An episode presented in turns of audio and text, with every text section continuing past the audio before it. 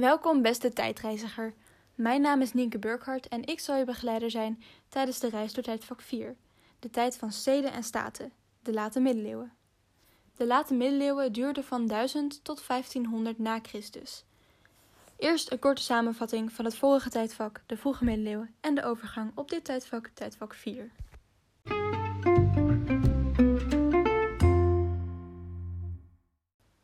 In het vorige tijdvak stonden het hofstelsel en het feodale stelsel centraal. Ook hebben we het gehad over het ontstaan en de verspreiding van de islam en over de verspreiding van het christendom. In de samenleving ging het steeds beter, wat leidde tot een surplus. Hierdoor konden mensen zich bezighouden met andere dingen en gingen ze zich specialiseren. Er ontstonden ambachten en de landbouwsamenleving ging over tot een landbouwstedelijke samenleving. Op politiek gebied veranderde er in de overgang van tijdvak 3 op tijdvak 4 niet zoveel. De vorst en zijn leenmannen bleven de macht behouden. Wel werden de steden steeds zelfstandiger en was de stedelijke burgerij in opkomst. Dit verkleinde de macht van de vorst enigszins. Het ging steeds beter met de landbouwsamenleving, waardoor mensen gingen handelen. Deze handel legde de basis voor de landbouwstedelijke samenleving. Dat is dus een economische verandering. Op cultureel gebied was het christendom nog steeds erg belangrijk. De verspreiding van het christendom was nog steeds belangrijk. Men ging zich zelfs afvragen of het geloof of juist de vorst de hoogste macht had.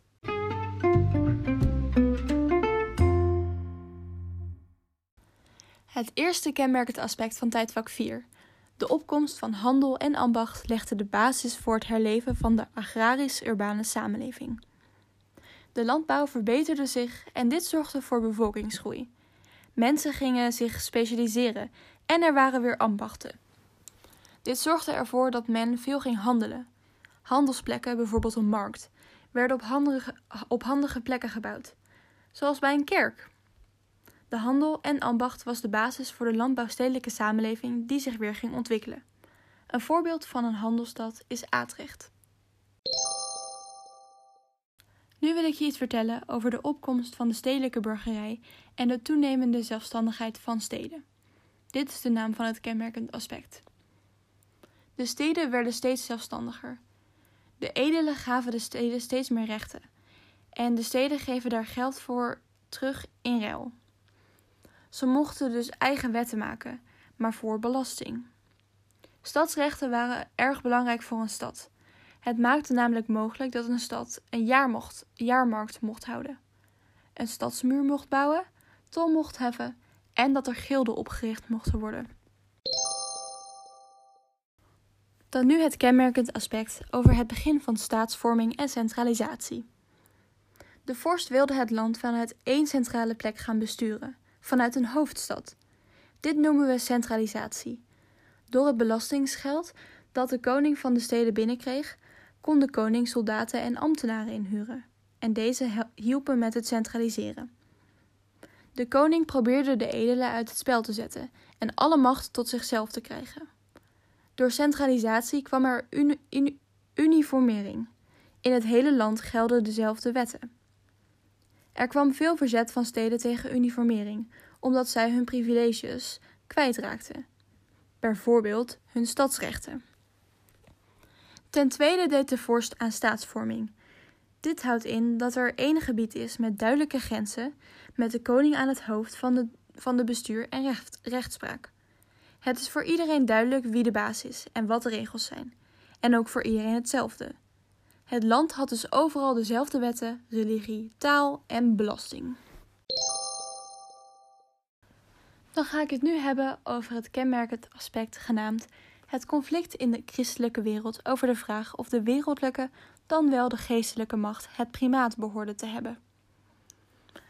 De paus had de geestelijke macht, de macht over het geloof. Hiertegenover stond de wereldlijke macht, de koning, bestuur en rechtspraak. Het christendom werd steeds groter. Er ontstond een conflict over wie nou het meeste gezag had: de, geest, de geestelijke of de wereldlijke macht.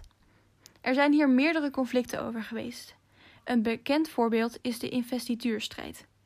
Bij de, bij de investituurstrijd ging het over de benoeming van de bisschoppen. Bisschoppen hadden een geestelijke functie en konden aangewezen worden door de paus. Maar een vorst kon ook een leenman aanwijzen tot bisschop. Dus wie kon bisschoppen nou benoemen en macht geven? Later werd dit op het concordaat van Worms besloten. De paus mocht bisschoppen benoemen, maar de vocht mocht ze de wereld, wereldlijke macht geven. En dan zijn we alweer aangekomen bij het laatste kenmerkend aspect van tijdvak 4. De expansie van de christelijke wereld, onder andere in de vorm van kruistochten. Het christendom breidde zich uit door Europa. Dit gebeurde op een gewelddadige manier. Het woord expansie geeft dit aan. Van de 11e eeuw tot de 13e eeuw vonden er vele kruistochten plaats. Dit waren tochten bedoeld om belangrijke christelijke plaatsen te heroveren van de moslims. Het doel was het christelijk geloof uit te breiden. Op deze manier lukte het om Jeruzalem te veroveren. Andere kruistochten naar het Heilige Land, dit is dus ongeveer Israël, volgden hierna.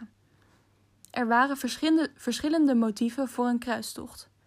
De christelijke gelovigen deden mee omdat ze op pelgrimstocht, op pelgrimstocht wilden en omdat ze vonden dat het Heilige Land echt bevrijd moest worden. Het motief van de vorst was dat de vorst meer aanzien zou krijgen als ze zouden winnen. Het motief van de edelieden was dat ze rijk konden worden door de kruistochten.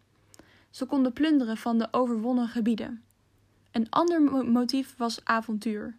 Ze konden immers misschien een leidinggevende functie krijgen in het Heilige Land. In 1453 was de val van Constantinopel. Deze ondergang en het omslaan van de mentaliteit van memento mori naar carpe diem geeft het einde van de middeleeuwen aan. Dit was de podcastaflevering over tijdvak 4, de tijd van steden en staten. Volgende podcastaflevering wordt door iemand anders, anders verteld, namelijk Amber. Zij gaat jullie vertellen over de tijd van ontdekkers en hervormers, de tijd van tijdvak 5. Veel plezier!